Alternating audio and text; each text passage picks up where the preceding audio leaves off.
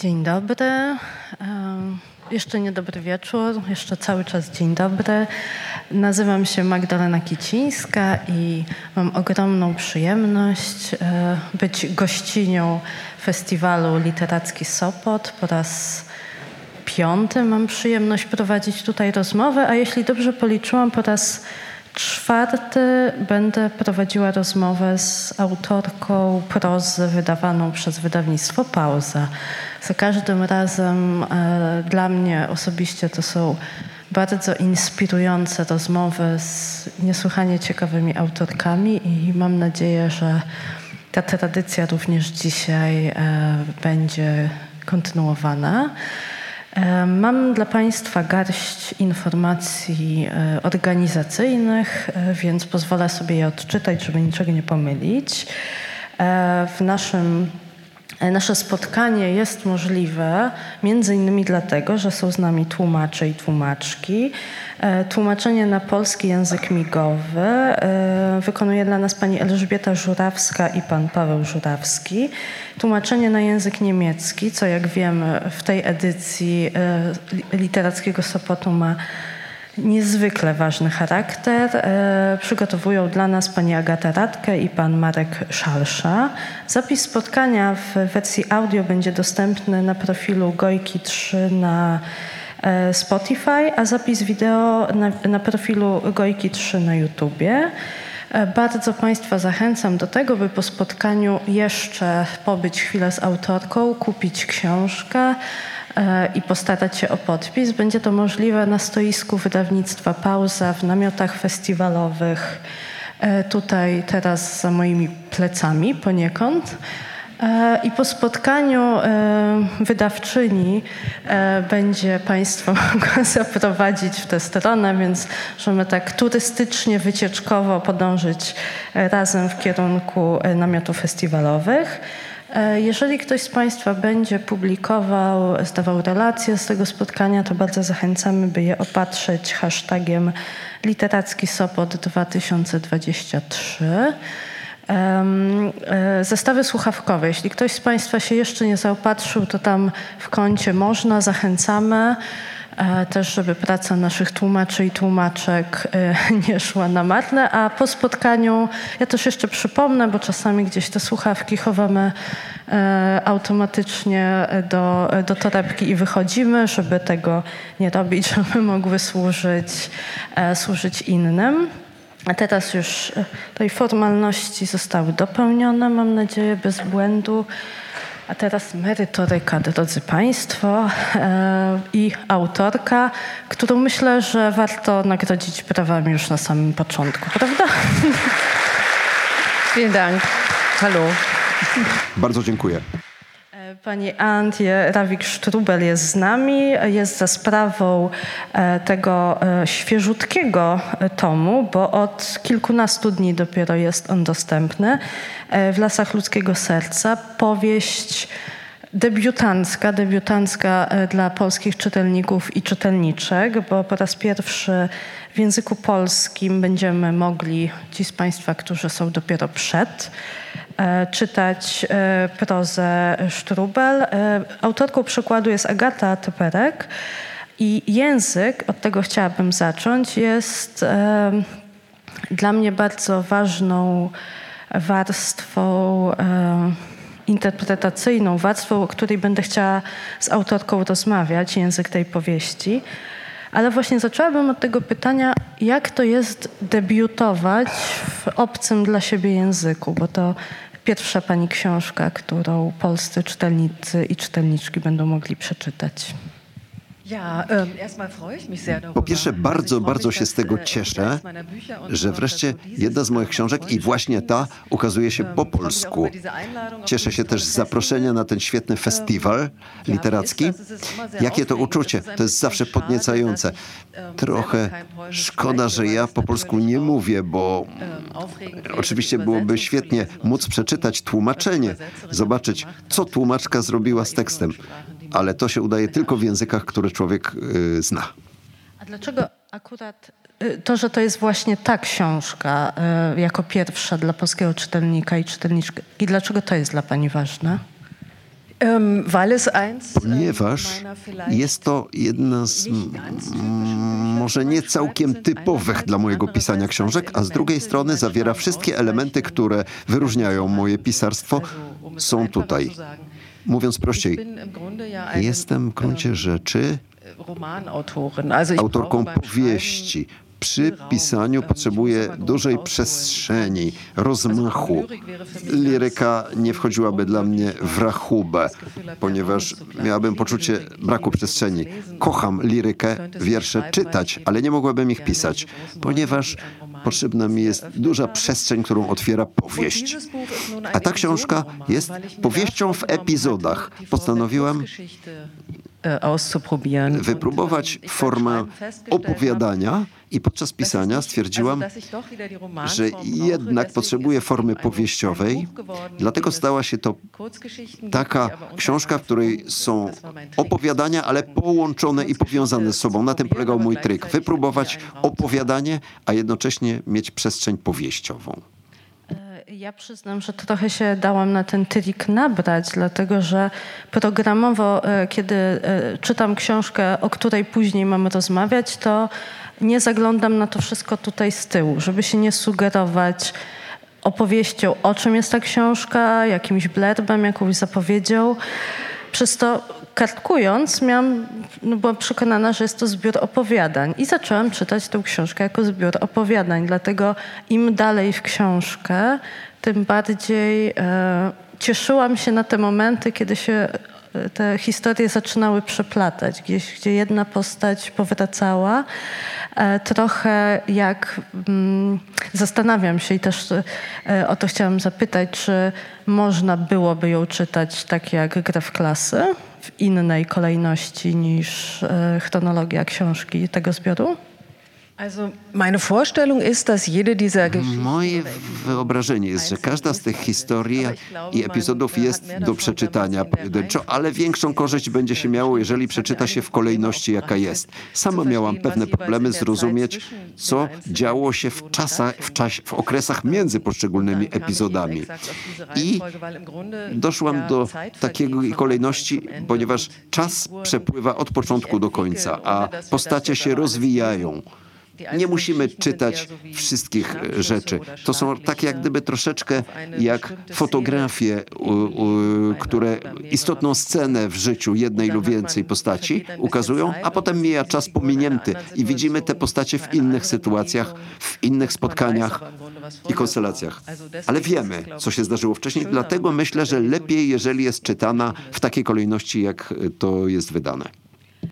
Dla tych z Państwa, którzy dopiero są przed lekturą, e, dwa słowa. Oczywiście możecie zrobić to, czego ja nie zrobiłam, czyli po prostu e, zajrzeć na ostatnią, e, na tył okładki i przeczytać. Dla mnie była to opowieść o różnych grupach ludzi, o różnych konstelacjach. Poznajemy singielki, pary, pary w związkach romantycznych, grupy przyjaciół, którzy bardzo się od siebie różnią. Prezentują bardzo różne tożsamości, różnego rodzaju preferencje e, seksualne, są w różnym, na różnych stopniach e, spektrum, jeżeli chodzi o, o swoją tożsamość seksualną. E, spotykamy ich w różnych momentach, tak jak powiedziała autorka, w różnych momentach też bycia w danej parze ale spotykamy ich przede wszystkim, to jest chyba to, co wszystkie te historie, wszystkie te odcinki, epizody łączy, w podróży, w byciu poza swoją codzienność, poza schematy, które ich na co dzień określają. E, tak jak e, wielu z Państwa pewnie jest dzisiaj w Sopocie w ramach e, podróży wyjazdowej, wakacyjnej, letniej. E, te podróże zazwyczaj są nam właśnie po to, żeby się wyzwolić z codzienności, ale kiedy się z niej wyzwalamy, to też e, mamy okazję poznać siebie w tej niecodziennej sytuacji, czasami odważyć się na bycie kimś, kim na co dzień nie potrafimy być, nie mamy energii, nie mamy wspomnianej przestrzeni potrzebnej na to, żeby w całości jako ja wystąpić. Mm, I kiedy będą Państwo czytali zgodnie z sugestią autorki jednak po kolei te, te opowieści, e, to pod koniec lektury zachęcam Państwa do zrobienia sobie takiej mapy powiązań między bohaterami i może do takiego ponownego odczytania achronologicznego, żeby zobaczyć, jak te relacje mogłyby się może jeszcze inaczej e, nawiązywać. Ja kiedy e, czytałam Pani książkę, łapałam się na tym, że to, co, po co chyba wielu z nas wyjeżdża gdzieś w podróż, rusza w podróż, to wyzwolenie się od tego, kim jesteśmy na co dzień, w przypadku Pani bohaterów i bohaterek e, następuje hmm, falami. To znaczy, to nie jest tak, że oni wyjeżdżają i w pewnym momencie na trzy, cztery są już kimś innym, tylko też powoli odzierają się z tych warstw, które, które codzienność na nich nakłada. I czy też takie prowadzenie tej narracji było im potrzebne po to, żeby, no właśnie, tak jak cebula, dotrzeć w kolejnych odsłonach do tej prawdziwej warstwy siebie? Ja, also Sie sagen Kern, das ist vielleicht no, ein gutes Stichwort. Ich glaube Mówi ja nicht, Pani o tej istocie, o tym wnętrzu. Ja myślę, że nie ma czegoś takiego. Jest wiele tych wnętrz, wiele warstw. No interesujące to, co Pani powiedziała, że jeśli nie jesteśmy w dniu codziennym, który znamy, który ma taki automatyzm w sobie, a jesteśmy gdzie indziej, w innym krajobrazie, w innym miejscu, najczęściej postaci z książki są gdzieś na łonie natury i wtedy odkrywa się te nowe warstwy. Pomysł był taki w przypadku tej książki, żeby przedstawić tę otwartość, to wyobrażenie, że, wyobrażenie, że mamy stabilną tożsamość, która jest e, ograniczona, jasno i wiemy, kim jesteśmy.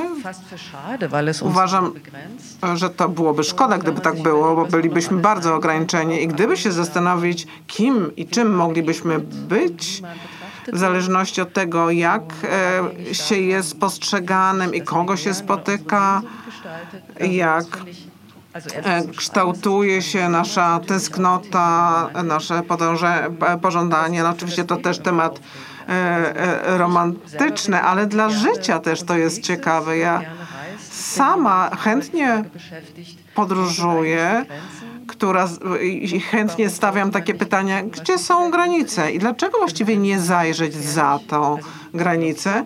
Granice są zawsze niebezpieczne, bo one blokują przekroczenie granicy zawsze związane jest z niebezpieczeństwem, z ryzykiem, ale zdobywamy wiedzę.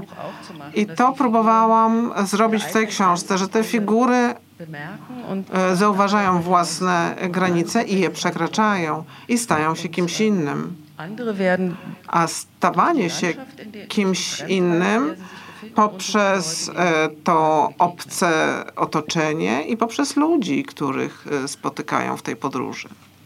I te e, kolejne odkrywania siebie odbywają się nie tylko w relacji do samego bohatera czy bohaterki, ale też pomiędzy nimi. To znaczy ta sama Emily czy ta sama René jest kimś innym, kiedy jest w tym związku, w tej relacji, kiedy spotyka tę osobę. Tak jakby każde spotkanie było jakim, no właśnie, albo odzieraniem, albo nakładaniem na siebie kolejnej, kolejnej wersji. E, I czy e, ta, ten, ten zamiar, żeby pokazać, jak też bardzo inni jesteśmy w zależności od tego, kogo spotykamy, w jakim momencie, swojego życia, ale też w momencie życia tej osoby, którą spotykamy, też y, sprawił, że to właśnie ta epizodyczna konstrukcja była tą, którą pani wybrała? Ja, das stimmt. Also im Grunde tak, no, no wszystko się rusza, wszystko się toczy w nas i w tej książce też, ponieważ podróżujemy razem z tymi figurami, tymi bohaterami. Emily to był fajny przykład. Emily y, zakochała się w Lee, a Lee jej nie chce i znika. Tak.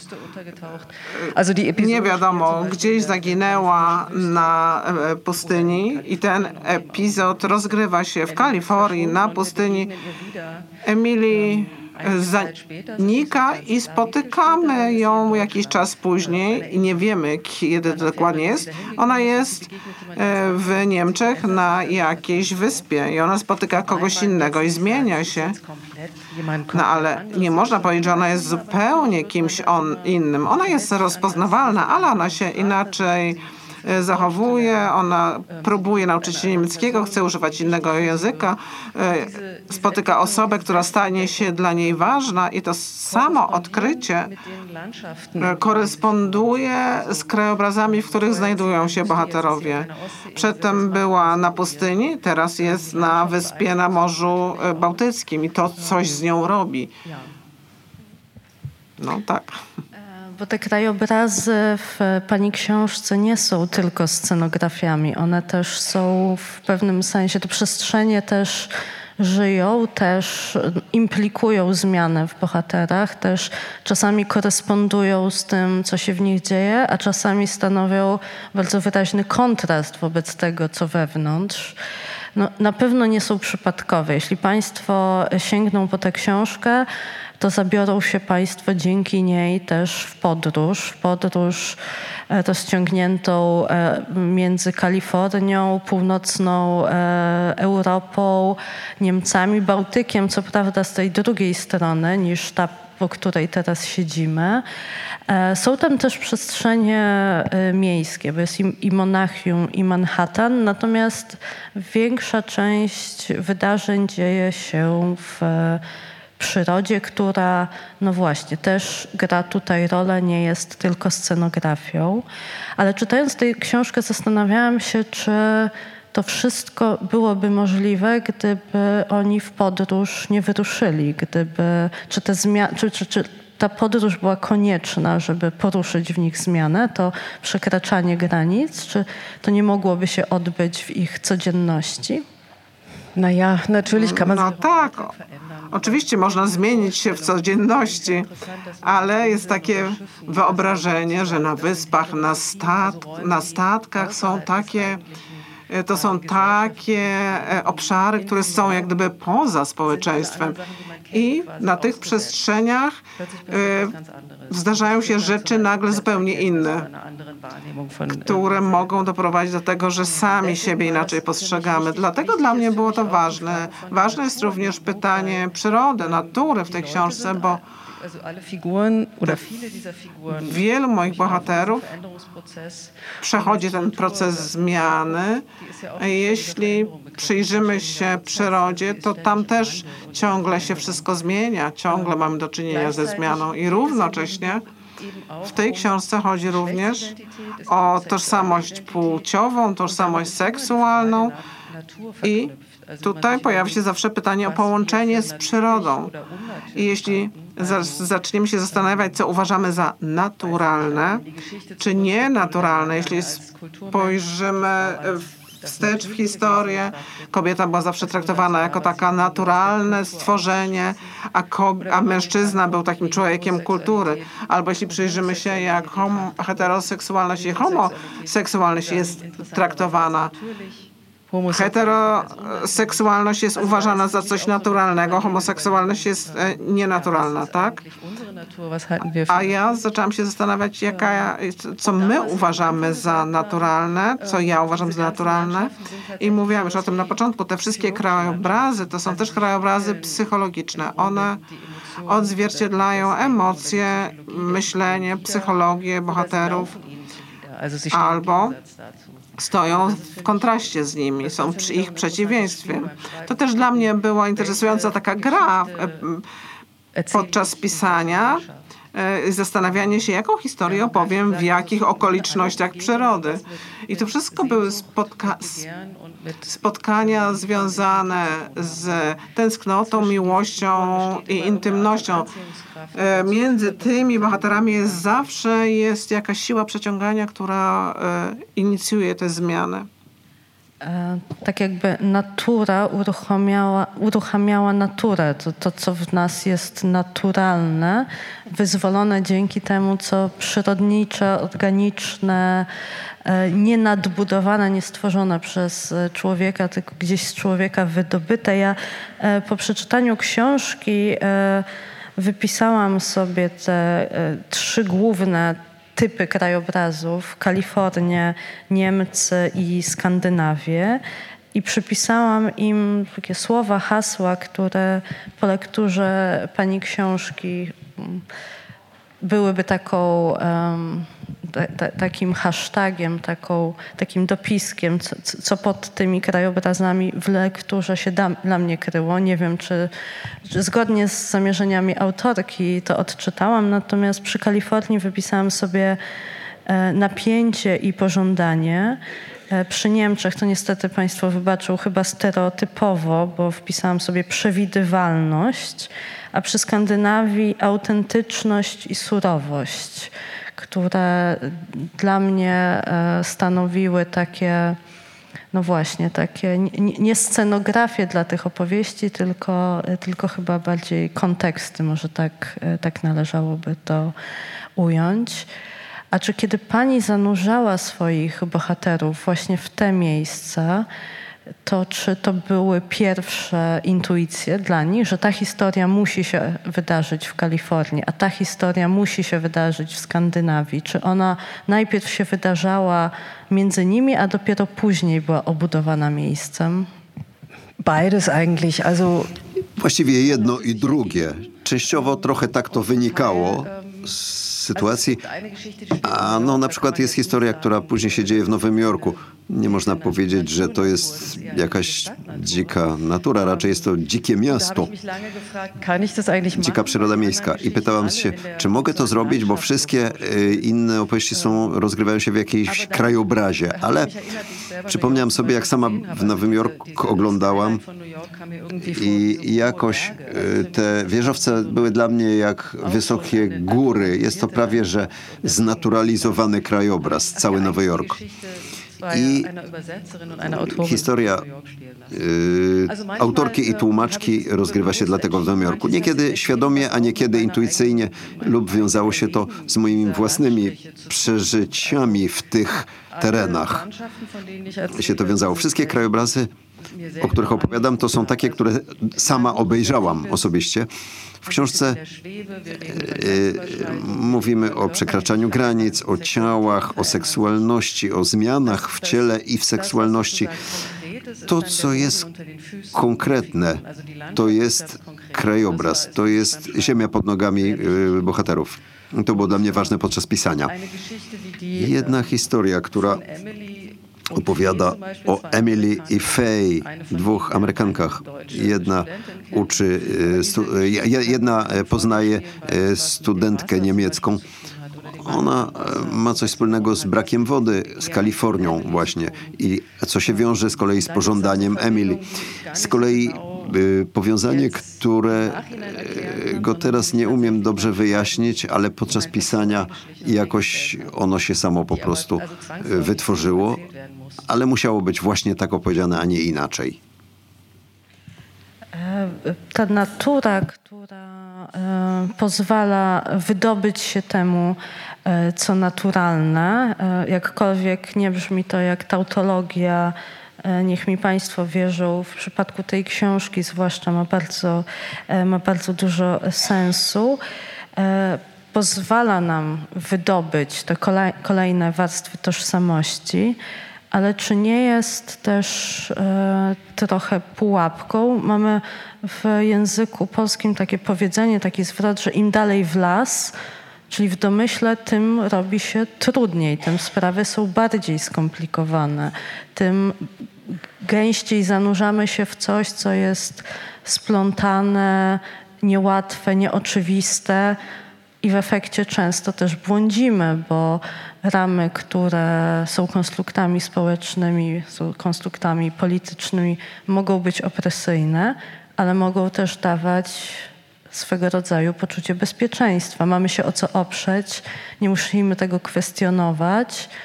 czasami w związku z tym jesteśmy w opresji, ale czasami też jest to chyba w jakimś sensie wyzwalające to, ten brak potrzeby stałego definiowania się, bo to przekraczanie granic to też jest samo poznanie, które nie zawsze musi być e, źródłem komfortu, często może być też źródłem dyskomfortu. Ja miałam takie wrażenie, idąc dalej w kolejnych, w kolejnych rozdziałach, że e, to znowuż jest moja interpretacja. Państwo na pewno, czytając książkę, będą mieli własne, ale to, co na początku wydawało się tak wspaniałe i ekscytujące, to ta wolność poznawania siebie, w przypadku niektórych bohaterów tak miałam, taki był mój stosunek do Emily, wydawała się no, taką pułapką tego, że na samym końcu to, czy my wiemy, kim jesteśmy, pozbawieni tych wszystkich warstw, granic, schematów,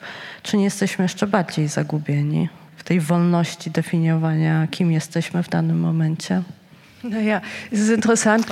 To bardzo ciekawe, bo z jednej strony las, w którym się błądzimy, który jest niesamowity, to jest las północy. Ciemny, niebezpieczny las.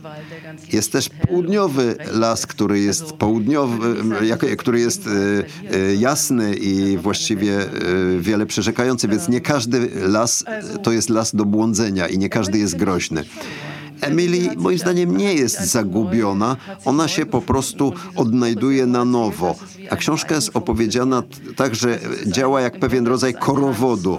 Jest to pewien tan, taniec. Każda z postaci, e, jeżeli sobie wyobrazimy, że e, tańczą się do wokół siebie i widać tylko pewne momenty. Widać postać z przodu, a potem z tyłu, bo ona wygląda inaczej.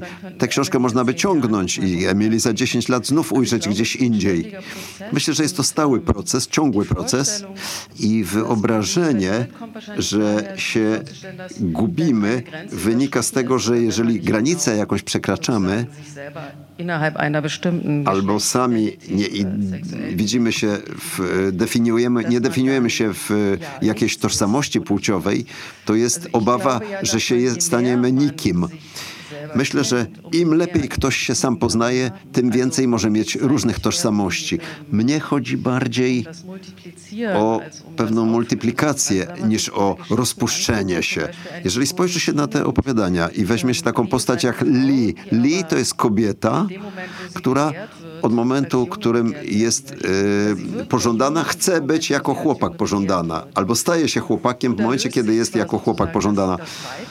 I rzeczywiście kobiecość się rozpuszcza, natomiast ma wewnątrz pożądania bardzo precyzyjną tożsamość męską. Ona nie jest rozmazana czy rozmyta. To jest chłopak w tym ciele. Jest to w tym momencie coś jasnego i bardzo konkretnego.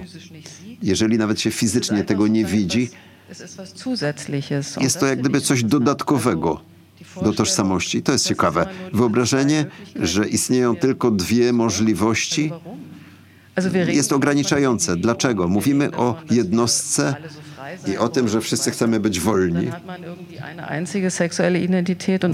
Potem ma się tylko jedną tożsamość seksualną, płciową przez całe życie, to właściwie śmieszne.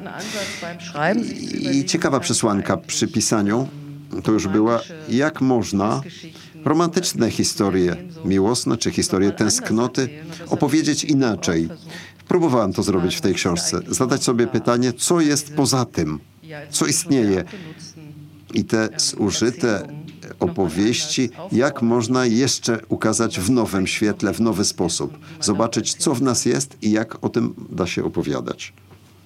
Dlatego wracając do samego początku, kiedy powiedziała Pani, że cieszy się, że to właśnie ta książka ukazuje się jako pierwsza w Polsce, ja sobie pomyślałam z kolei o naszym polskim kontekście, w którym ta książka się ukazuje, bo e, to, co przed chwilą powiedziała autorka, w polskim mm, głównego nurtu dyskursie wcale nie jest oczywiste. Wręcz przeciwnie, w ostatnich latach bardzo często słyszymy o tym, jak nieoczywiste to jest, jak, jak konkretne jest i też dla polskiej racji stanu przez niektórych potrzebny jest ścisły podział na jasno określone męskie i jasno określone żeńskie, a queerowość tych postaci, płynność tych postaci, e, czytana w kontekście, no mamy w tym roku rok wyborczy, rok rozgrzanych politycznych debat, wydaje mi się bardzo odświeżająca też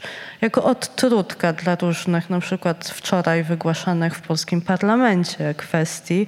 E, więc ja tym bardziej się cieszę, że to akurat z tą książką po raz pierwszy, tą książką mogłam się zapoznać z prozą autorki, e, ale też e, myślę sobie o tym, tej, tej, tej e, płynności dekonstrukcji, która prze, przeradza się w konstrukcję, jak bardzo zbieżne jest to z naturalnym cyklem pół roku rodzenia się, umierania, odradzania i e, jak bardzo teraz, e, kiedy to pani powiedziała, przypomniały mi się niektóre sceny, gdzie to, co się dzieje w krajobrazie, w przyrodzie, współgra, dopowiada to, co dzieje się E, w relacjach bohaterów z nimi samymi, ale też w relacjach pomiędzy nimi.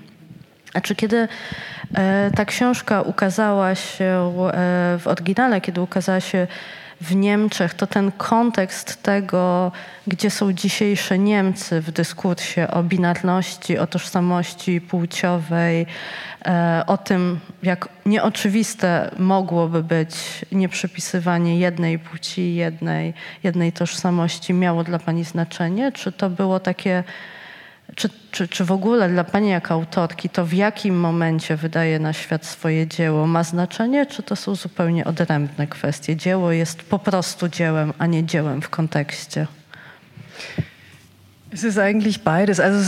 Właściwie jedno i drugie. Y, dobrze, że krótko wspominamy o polityce. Myślę, że stopień demokracji między innymi w tym się objawia, jak otwarte jest społeczeństwo i jak duża jest akceptacja i jaka jest zróżnicowanie, różnorodność w społeczeństwie. W Niemczech to też nie tak dawno wcale, kiedy zaczęłam pisać 2001 to ta oczywistość, z którą dzisiaj mówi się o queer albo o różnorodności tożsamości, o niebinarności. Jeszcze dawno, dawno tego nie było, długo tego nie było.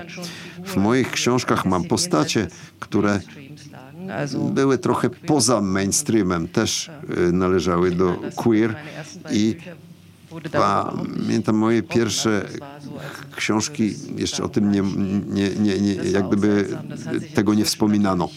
Yy, oczywiście to było dziwne, teraz to się zmieniło. Ważna decyzja, że yy, partnerstwa homoseksualne, a teraz i małżeństwa są dopuszczone, to dużo zmieniło. Uważam, że to jest bardzo istotne i Sądzę, że ma to znaczenie, że literatura faktycznie zajmuje się tymi rzeczami, ale kiedy sama piszę, jako autorka chętnie po prostu e, widziałabym dzieło omawiane jako dzieło. Ale oczywiście nie da się całkowicie z politycznej debaty e, wyciągnąć e, gotowej książki, tak? Ja nie piszę książek politycznych, to nie jest moje, moja motywacja. O, teraz siądę i będę zmieniała świat albo pisała książkę do, na jakiś temat. Świata i tak nie zmienię. Ale kiedy już książka książka jest, no to jest ciekawe, w jaki sposób ona, e, na jaki duch czasu trafia. I może ona rzeczywiście rozruszać rozmowy, które mają na coś wpływ. To jest dla mnie bardzo fajne, uszczęśliwiające, kiedy opowiadam historię, a te historie mogą zdziałać coś, co ma jakąś konsekwencję polityczną. To też mnie cieszy. I ma pani rację. Dobrze, że ta książka teraz w Polsce się ukazuje.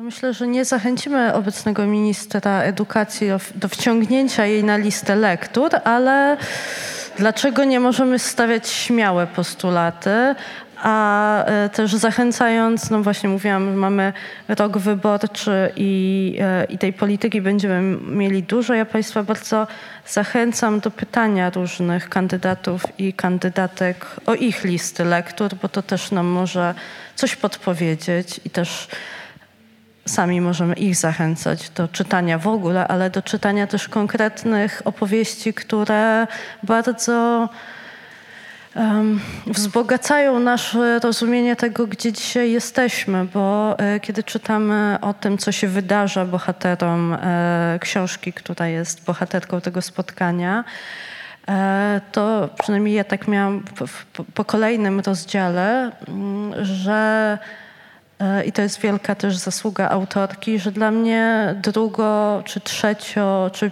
piątorzędne znaczenie miała e, tożsamość e, osoby, której się przydarza, która coś przeżywa, względem tego, jak ja się angażowałam w to, co się w niej, czy w nim, czy w nich dzieje. I ta płynność tego, kto do nas opowiada,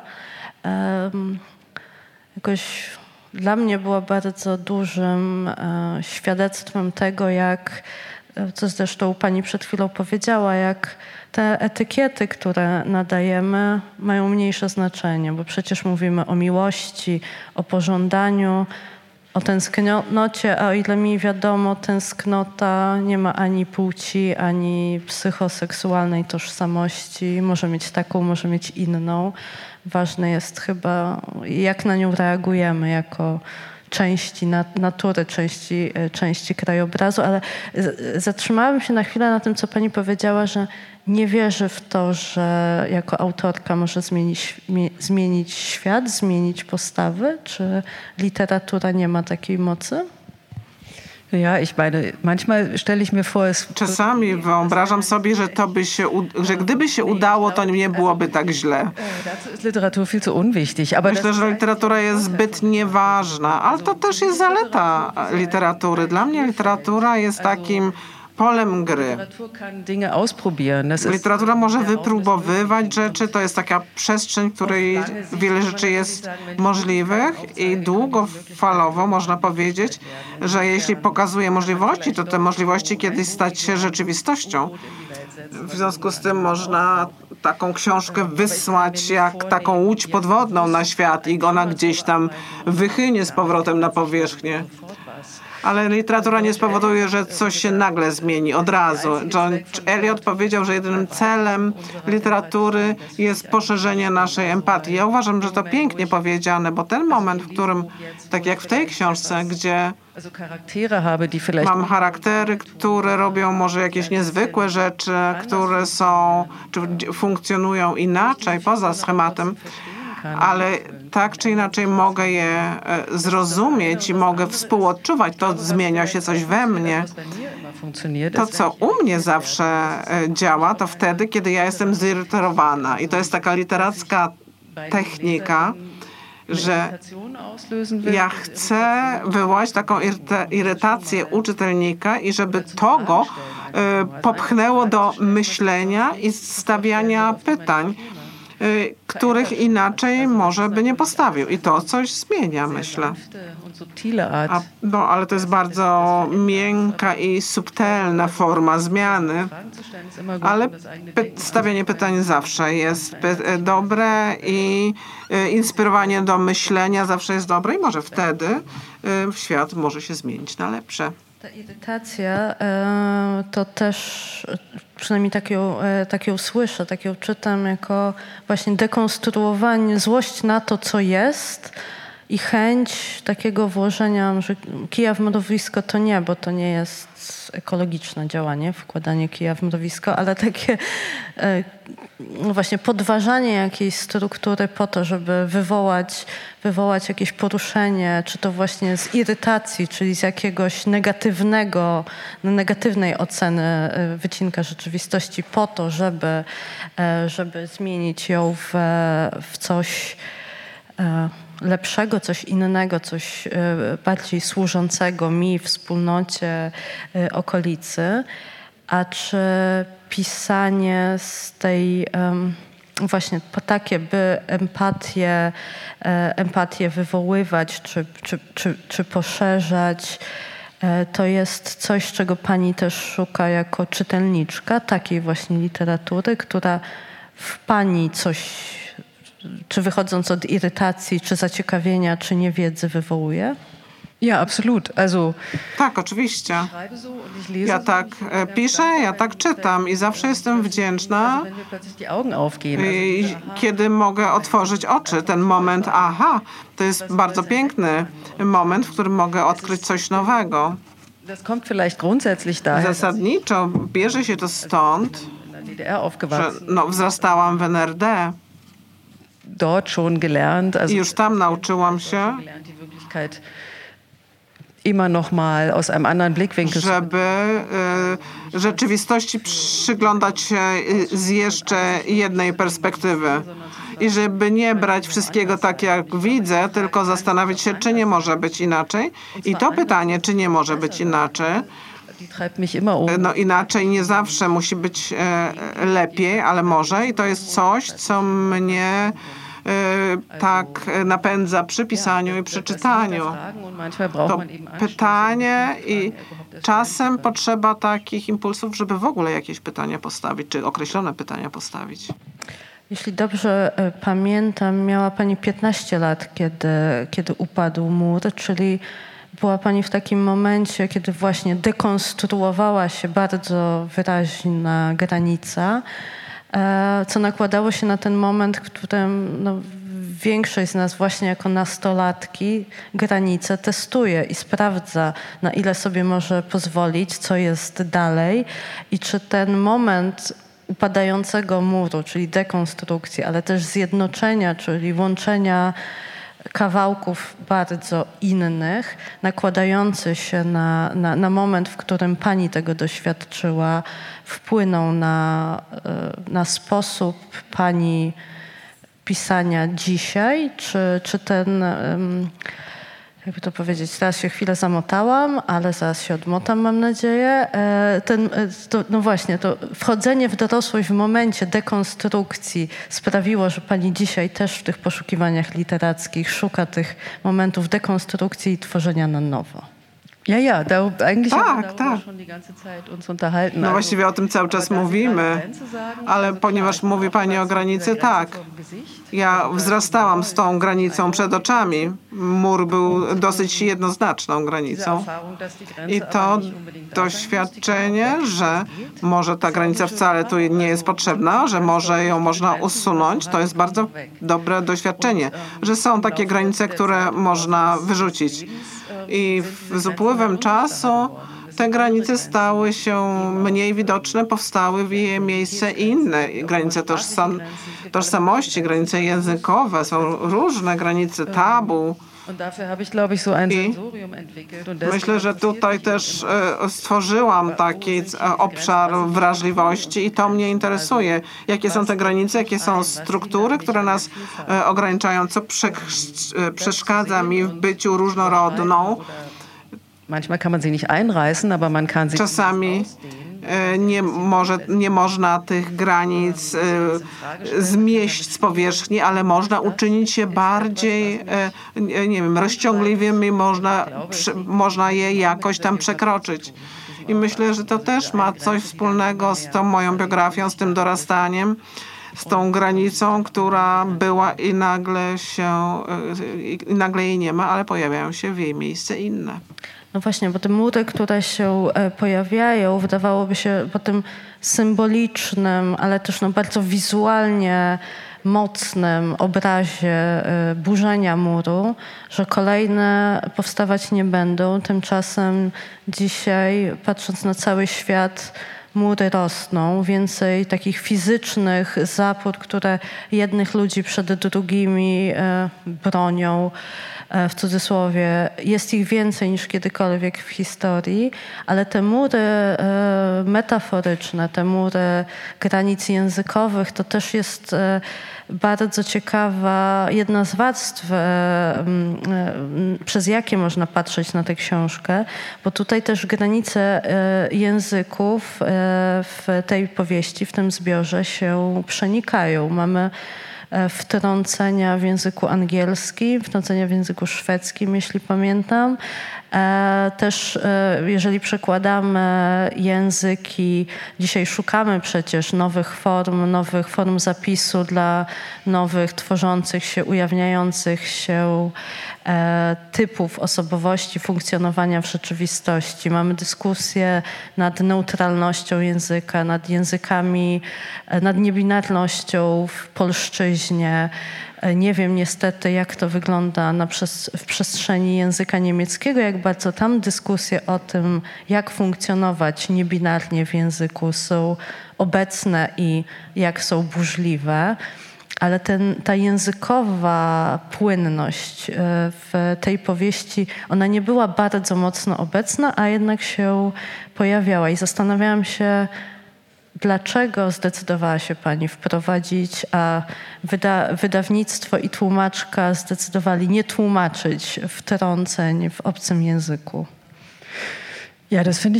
Ja, uważam, że to dobrze, bo też bym tego nie przetłumaczyła, bo dla, w niemieckim też one są obce. Wchodzi taki e, obcy element do tekstu, który nie tylko jest obcy, ale otwiera inną przestrzeń, inną atmosferę wnosi, z, z atmosferę innej kultury. No tak, język to jest też inny, duży temat. I także w Niemczech mamy ogromną dyskusję i właściwie wojnę e, o te e, genderowe gwiazdki, które się wprowadza. Taka mała gwiazdka, którą ma się e, w komputerze, można ją wstawić. Może oznaczać, że są tylko dwie płci? No i tu wokół tego toczy się ta wojna. I interesujące jest to, że język ma taką siłę i że jesteśmy tak mocno stworzeni z języka, że możemy się tak denerwować. E, małpka bardzo łatwo przeniknęła do języka i tutaj nikt nie protestował. A jeśli język jest związany z ciałem tak mocno i jeśli to będzie ten ostatni e, bastion, którego może, który możemy bronić, to walczymy o tą małą gwiazdkę. Wszystko to, co związane jest z ciałem, seksualnością i co odzwierciedla się w języku i to zawsze wywołuje duże debaty, I, ponieważ za tym kryją też struktury władzy i y, patriarcha, patriarchat jest podważany tak w ten sposób. I w Niemczech ciągle jeszcze mamy z nim do czynienia, nie tak mocno jak kiedyś, ale nie, nie znikł. I cała ta struktura władzy, czy debata o strukturze władzy się e, uwidacznia w takiej e, wojnie o malutką gwiazdkę. A wcześniej e, na przykład na, w przestrzeni polskiej o tę końcówkę, czy, czy żeńska końcówka jest zamachem na piękno polszczyzny. I tak sobie myślę o, o, tej, o, o patriarchacie, o którym pani wspomniała. Jedna z bohaterek mówi, że nie, nie może przestać myśleć o tej przemocy, która, e, która ją otacza. Przemocy wobec kobiet, wobec zwierząt i wobec natury. Tak jakby ona właśnie mimo e, funkcjonowania w bardzo różnych kontekstach cały czas gdzieś za plecami czuje oddech tej przemocy.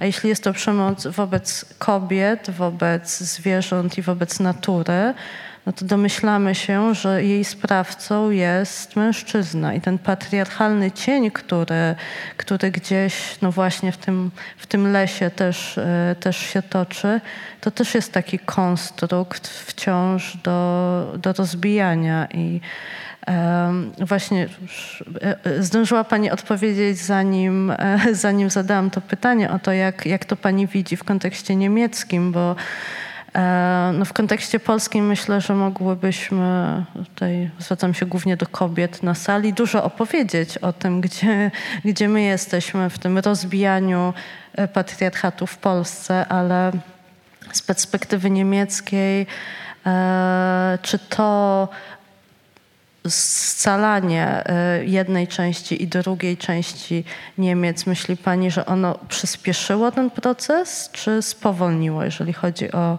kwestię patriarchatu w Niemczech? Ojej, das ist aber auch eine große Frage. No to jest duże, grube pytanie. Może na temat przemocy. Dla mnie przemoc tkwi w strukturze, która opiera się na wykluczaniu, wykluczaniu tego, co nie męskie, co nie ma władzy. I ta struktura wprowadzona przez mężczyzn, ale nie tylko mężczyźni ją podtrzymywali, jest mnóstwo kobiet, które też współpodtrzymuje tę strukturę. I zmienić tę strukturę jest niebywale trudno. Dość już było debat o tym, że to typowe takie e, tylko na konkurencyjność i rywalizację nastawione i postęp e, myślenie, że ma coś wspólnego z tą strukturą i że trzeba by ją zmienić, to myślenie zmienić. Widać to na przykład na, na przykładzie e, dyskusji klimatycznej. Młoda generacja mówi o kolaboracji, solidarności, łączeniu się zamiast wciąż tylko yy, walczyć o pozycję władzy. Ta dyskusja istnieje i jest coraz intensywniejsza, ale jest to struktura, która ma setki lat tysiące, no i też niełatwo ją przełamać. Jeżeli chodzi o połączenie Niemiec, niemalże za, nie, nie, nie za dużo można tu powiedzieć. Myślę, że gdyby ten proces przebiegł trochę inaczej, i więcej by się wychodziło od pozytywnych przesłanek, które były też we wschodnich Niemczech i spostrzegało je, może zmiany nastąpiłyby wcześniej, inne też i byłyby możliwe nieco szybciej. A tak to przy, na początku chodziło o to, żeby wszystkie reguły i wartości Zachodu niejako przekazać wschodowi w sposób mechaniczny. Cały krajobraz e, e, medialny, e, gospodarczy był obsadzony przez Niemcy Zachodnie. Dopiero w ostatnich latach pojawia się debata. Może powinno się to trochę przemieszać. Może już dawno należało stawiać na e, pewne, na wschodnie Niemcy, mówiąc najogólniej. Dyskusja między feminizmem zachodnio-niemieckim a emancypacją wschodnio-niemiecką też e, się były nieprzystawalne, nie rozumiały się. To były dwa zupełnie różne ruchy. I praktyczna samodzielność kobiet wschodnio-niemieckich była zupełnie inna niż teoretyczna, feministyczna e, debata kobiet e, zachodnio-niemieckich. I to się z jedno z drugim nie spotykało. Może mogłoby to być dużo ciekawsze i więcej punktów wspólnych by się znalazło, ale oba społeczeństwa były tak zróżnicowane. I tak no po prostu nie było podstawy. Wschód był za słaby finansowo, a Zachód był mocny i od razu powstała ta nierówność. Wyrównanie tej nierówności to wciąż jeszcze trwa. To jeszcze nie jest zamknięty rzeczywiście proces i nie można mówić, że mamy jednolite społeczeństwo.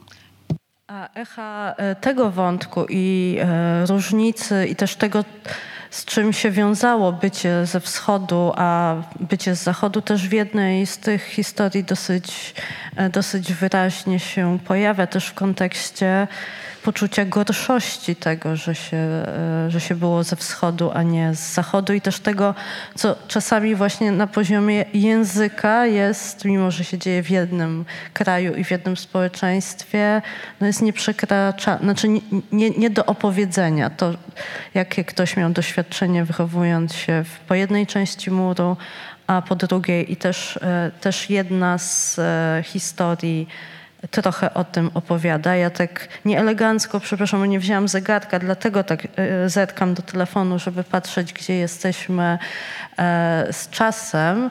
I to już jest taki moment, w którym bardzo chętnie zwróciłabym się do Państwa, jeżeli ktoś chciałby autorkę o coś zapytać. To bardzo do tego zachęcamy, tylko musimy tutaj poprosić o podejście do mikrofonu, żeby e, Państwo tłumacze mogli usłyszeć dobrze dobrze i przetłumaczyć, a później osoby, które nas obejrzą w relacji, również wiedziały, o co ktoś chce zapytać. E, czy ktoś się zdecyduje i chce zadać pytanie? Wiem, że tak zawsze na początku jest najtrudniej, bo taka to jest trochę szkolna sytuacja, ale jesteśmy w gronie miłośników i miłośniczek literatury, czyli gronie bardzo, no właśnie, takim, którym poszerzone pole empatii już funkcjonuje, więc, więc może ktoś z Państwa chciałby zapytać.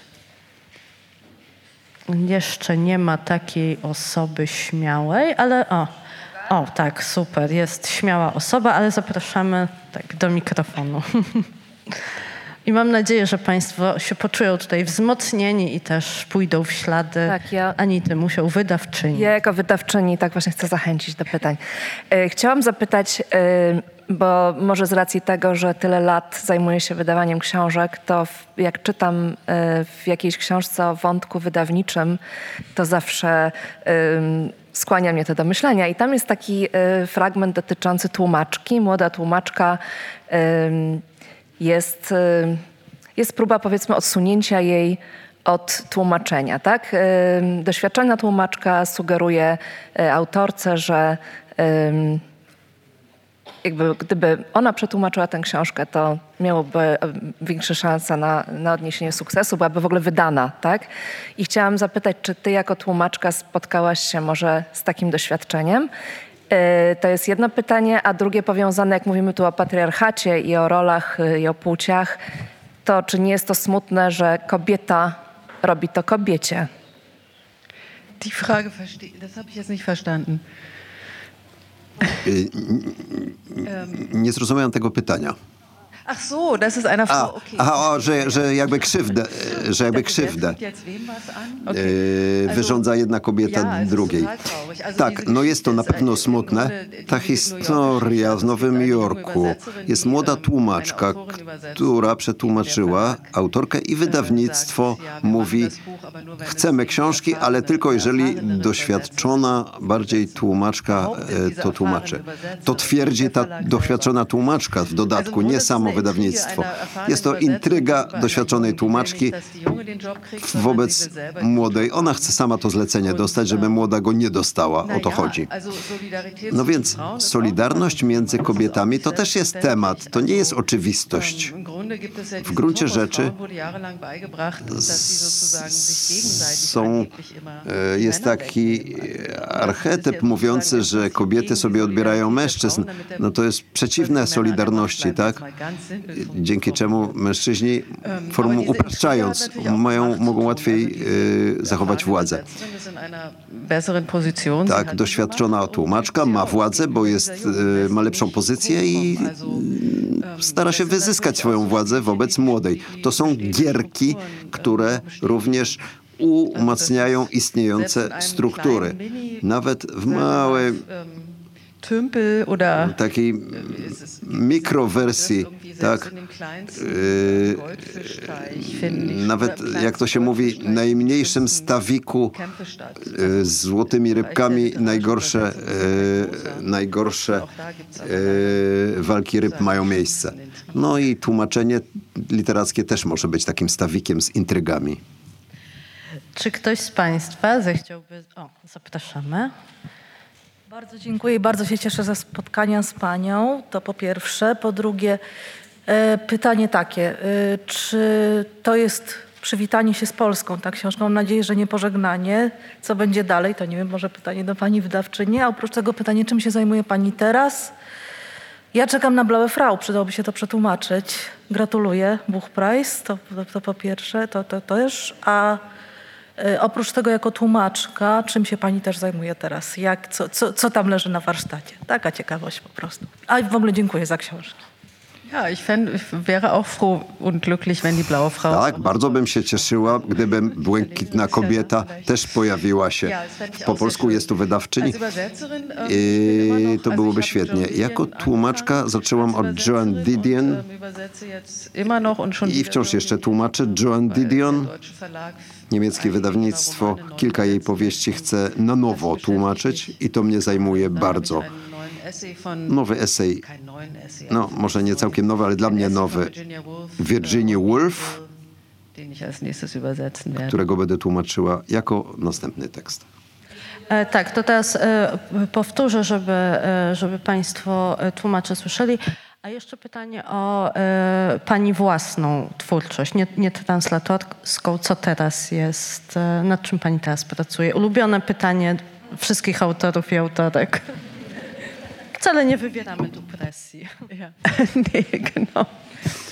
Ähm, ja, also dieses, ähm, das Buch in den Wäldern des menschlichen Herzens. Książka w lasach dzikich serc, zanim napisałam Blałe Frau, Błękitną y, kobietę, to moja najnowsza powieść.